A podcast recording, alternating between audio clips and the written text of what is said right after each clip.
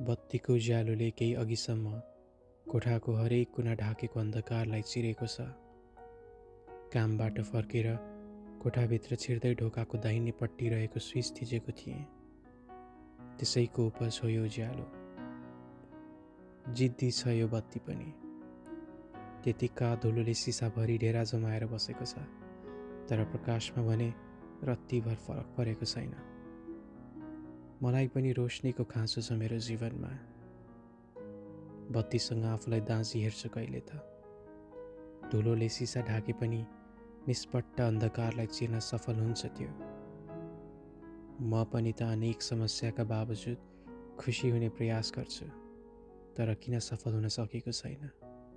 प्रश्न आफ्नै भए पनि उत्तर पनि आफै दिन्छु। बत्तीको जस्तो स्विच थिच्ने मान्छे नभएर पो हो कि? काम बाहेकको धेरै समय टिभीले माग्छ। इबुकहरूका लागि पनि थोरै समय छुट्याएको छु।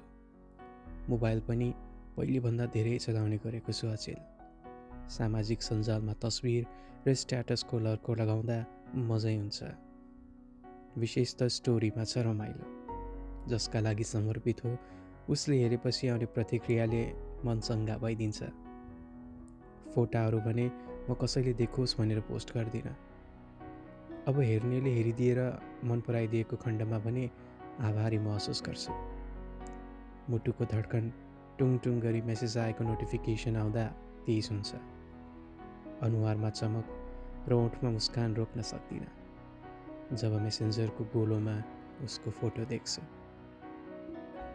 ओइ सुन त चस्मा नलगाउँदा पनि राम्रो देखिने रहेछ नि तिमीलाई। प्रोफाइल पिक्चरमा रहेको चस्मा बिनाको मेरो तस्विरलाई घुमाउरो पाराले मन परेको बताउँदै उसले म्यासेज गरेकी थिए केही हप्ता पहिले। व्यक्तिगत रूपमा एकअर्कालाई राम्ररी नचिनेकाले होला उसको त्यो म्यासेज आउँदा म केही आश्चर्यमा परेको थिएँ। उत्तरमा फेसबुकको फ्रेन्ड रिक्वेस्ट र धन्यवाद पठाएँ। साथीको बर्थडे भएर हो या उसलाई पहिलो पटक भेटेको दिन भएर म त्यस दिन भुल्न सक्दिनँ। केक काटिसकेपछि पहिले ऊतिर लम्किएको थियो केक काट्नेको हात। म दोस्रो नम्बरमा परेछु। त्यसैले बाँकी केक म भएतिर आयो। लाज लागेको थियो। उसले आधा टोकेको केक खान। ऊतिर पुलुक्क हेर्दै लजाइ लजाइ उसको झुटो केक खाएँ। ऊ मुस्कुराएकी थिए। म लजाएको देखेर। उसको मुस्कान मिसिएको त्यो केक हमेसा आफूभन्दा गुलियो थियो। खाना एउटै टेबलमा बसेर खाए पनि त्यस क्षण मैले उसलाई हेर्ने चेष्टा गरिनँ। भोकाएको पेटले सुन्दरीको सुन्दरतालाई पनि नजरअन्दाज गरिदियो। आँखाको आनन्दले खुसी मिल्थ्यो तर भरिएको पेटले दिने सन्तुष्टि रोजे। प्लेट धुन लाग्दा पहिलो पटक नजिकबाट देखेको थिएँ उसलाई। आँखामा मस्करा ओठमा गुलाबी रङको लिपस्टिक नाकमा नथी। र हाइलाइट गरिएको कपालमा शृङ्गारिएकी थियो। टम्म मिलेका दाँत छोप्ने ओठ केही तन्किँदा भन्ने डिम्पलले थप रौनक छरेको थियो उसको मुहारमा। स्वादिष्ट भोजन पछिको गफमा थाहा भयो ऊ नर्सिङ पढिरहेकी रहेछ। असाइनमेन्टको झन्झट कामको तनाव र घरको ऋण। अस्ट्रेलियामा हुने अधिकांश भेटघाटमा गफिने बाहनाहरू हुन्। त्यसबाट त्यो ठाउँ पनि अछुतो रहन सकेन। कुराहरूको गम्भीरतालाई तोड्दै राकेश गिटार बजाउन थाल्यो। सुनसान रात मधुरो बत्ती बरन्डाको चिसो हावा अनि गिटारको मिठो धुनमा बनेको मोडमा सबैले एकै स्वरमा गीत गाएर साथ दिँदै गयो। मेरो तन अहिले यहाँ भए मन भने सन्नानी उतै छ हाम्रो नेपालमा। आप्रवासी नागरिकहरूको जमघट र यस गीतको अटुट नाता सबभन्दा फरक नपर्ला। सुर र तालको पर्वा कसलाई थियो र आफ्नो मनको भावना जोगाइरहेका थियौँ। खुसीमा चाँडो समय बित्छ। रमाइलो गर्दा गर्दै पत्तै नपाई एक बजिसकेछ। आधा रात कटिसकेकोले सबै बिस्तारै घर फर्किने तर्खर गर्न थाले। रक्सी खाइन्छ होला भनेर मैले गाडी ल्याएको थिइनँ। खाइएन त्यसैले गाडी नल्याएकोमा पछुतो भयो। उबर बुक गर्दै थिएँ। बर्थडे गर्ल सन्ध्याले हातले मेरो कुममा धाप मार्दै भने त एक्लै जाने होइन नि उसलाई पनि क्याम्सी छोड्दै है। गाडी आउन मात्र दुई मिनट बाँकी रहेकोले हतार हतार बाटोमा झऱ्यौँ दुवैजना हर्षित थिएँ बस्ने स्वभाव एउटै परेकोले त्योभन्दा बढी खुसी सँगै यात्रा गर्न पाइने कुरामा मिलेको थियो। त्यतिका समय एउटै कोठामा बिताए पनि दुवैले एकअर्कासँग शब्दहरू साटासाट नै गरेका थिएनौँ। थाहा छैन के कारणले हो उबर ड्राइभरले राइड क्यान्सल गर्यो। अर्को बुक गरेँ तर पाँच मिनट कुर्नुपर्ने भयो। सडकको बत्तीलाई रुखले छेकेको भएर उज्यालो प्रशस्त थिएन। बोल्ने प्रयासमा ऊ भएतिर हेरेँ तर बोल्न डर लाग्यो।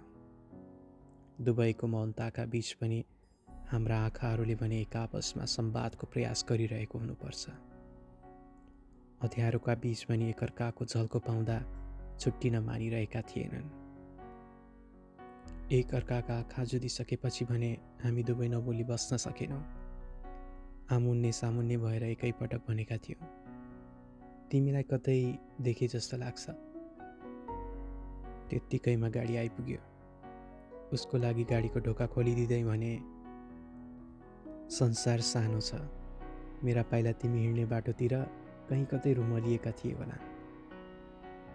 उसलाई पछ्याउँदै उसको छेउको सिटमा बसिसकेपछि मलाई हेरी हाँस्दै भने उसले गफाडी।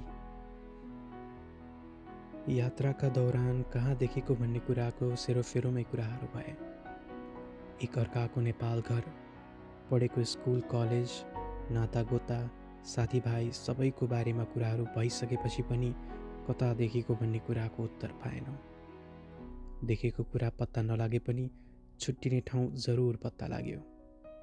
कारण उसको घर आइपुगेका थियौँ। बाई गुड नाइट भन्दै हात मिलाए। Good night Sujit nice to meet you भन्दै यो गाडीबाट बाहिर निस्के। तिमीलाई त मेरो नाम थाहा रहेछ। के म तिम्रो नाम जान्न सक्छु? मुस्कान सहित भने। आकृति। आकृति अनि अधिकारी। त्यस दिन राजका दिन बिच करिब महिना दिन बित्यो। यो महिना दिनमा हामी धेरै नजिक भइसकेका छौँ। उसले मेरो फ्रेन्ड रिक्वेस्ट स्वीकार गरेपछिको सुरुवाती दिनहरूमा हुने गरेका हल्का विषयका कुराकानी अहिले आएर परिवार पढाइ माया करियर काम मनोरञ्जन सम्मिश्रित कुराहरू अबेर रातसम्म आपसमा बाँड्न थालेका छौँ। सामाजिक सञ्जालमा उसँग मेसेज साटासाट गर्दा नर्भस हुने म आजकल एक दिन मात्र पनि उसको आवाज नसुन्दा खल्लो लाग्ने गर्छ। बानी भइसक्यो मेरो। मेरो दैनिकीबारे सम्पूर्ण खबरसँगै मेरो ख्याल राख्छे स्टेसनमा भेट्न बोलाए अस्ति मलाई। हातबाट चोलाको पोको दिँदै उमन्थे मेरो मनमा तिमीप्रति कस्तो भावना छ थाहा छैन। तर तिमीसँग बोल्दा जुन खुसी मेरो मनले महसुस गर्छ त्यो अरू कहीँबाट पाउँदिनँ म। झोला हातले समाउँदै प्रश्न गरे यो के हो? मेरो तर्फबाट तिमीलाई सानो gift. Please don't say no है। जरुरी थिएन तर पनि धन्यवाद। उसले अनुहार न्याउरो बनाउँदै सोधे। मैले जुन बेला पनि फोन गरिरहन्छु तिमीलाई डिस्टर्ब हुन्छ होला है? जसमा पुस्दै भने मलाई तिमीबाट डिस्टर्ब भइरहन मनपर्छ। हामी मुलचोक खाजा खान गयौँ। खाजा खाइसकेपछि केही सम्झे जस्तै गरी भने तिमीलाई याद आयो हामी कहाँ भेटेको? अह छैन। मलाई याद आयो नि। कहाँदेखिको ल भन त। भन्यो भने के दिन्छौ मलाई? एकछिन सोचेर भने ब्याग किनिदिन्छु। मसँग ब्याग टन्नै छ। हुन्न त्यो। त्यसो भए डल हुन्छ त? ह्या हुन्न। बच्चा जस्तो डल रे। अनि के त? त्यो त? कहाँ मैले भन्ने हो त? सोच न। घुमाउन लग्छु हुन्छ त? त्यो त? हामी यसै नै जान्छौँ नि। ओहो मसँग घुम्न जाने मन पो छ तिमीलाई। भो भो कुरा नफेर। तिमीले चाहिने कुरा दिने नै होइन। बरु म आफै माग्छु हुन्छ त? हुन्छ भन के चाहियो। मलाई तिम्रो हात देऊ समाउन।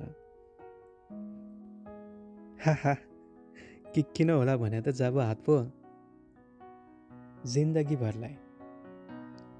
अब भने म अकमकिएँ केही नबुझे जस्तै गरी भने मतलब? केही होइन भन्दै यो रिसाए तिमीबाट केही चाहिएको छैन मलाई लाटा। म केही बोलिनँ। उसले सोधी। के भयो? तब नि म केही बोलिनँ। के पो भने ओइ पागल? भने लाटा भने होइन त लाटोले कहाँ बोल्छ त? हामी दुई बेसरी हाँस्यौँ। पल्लो टेबलमा बसेका केटाहरू हामीतिर एकटकले हेरिरहे। लजाएका थियौँ हामी। हाँसो शान्त भएपछि सोधेँ साँच्ची तिमीले मलाई देखेको चाहिँ कता हो? अस्ति फेसबुकको मेमोरी हेर्दै थिएँ। मैले आइलसिदाको फोटो देखायो। म र मेरो साथीको ठिक पछाडि बसेको थियो तिमी। फोटोमा तिम्रो अनुहार पनि आएको रहेछ। अनि पो याद आयो हामी भेटेको ठाउँ। उसले थपी। म एक हप्ता मात्र पढेकी थिएँ त्यहाँ त्यसैले चिन्जान हुन पाएन। तर हेर न कस्तो संयोग मिलेको हामी भेट्न। जिन्दगी संयोग हो। संयोगको कुनै एक पल काफी हुँदो रहेछ संयोगका लागि।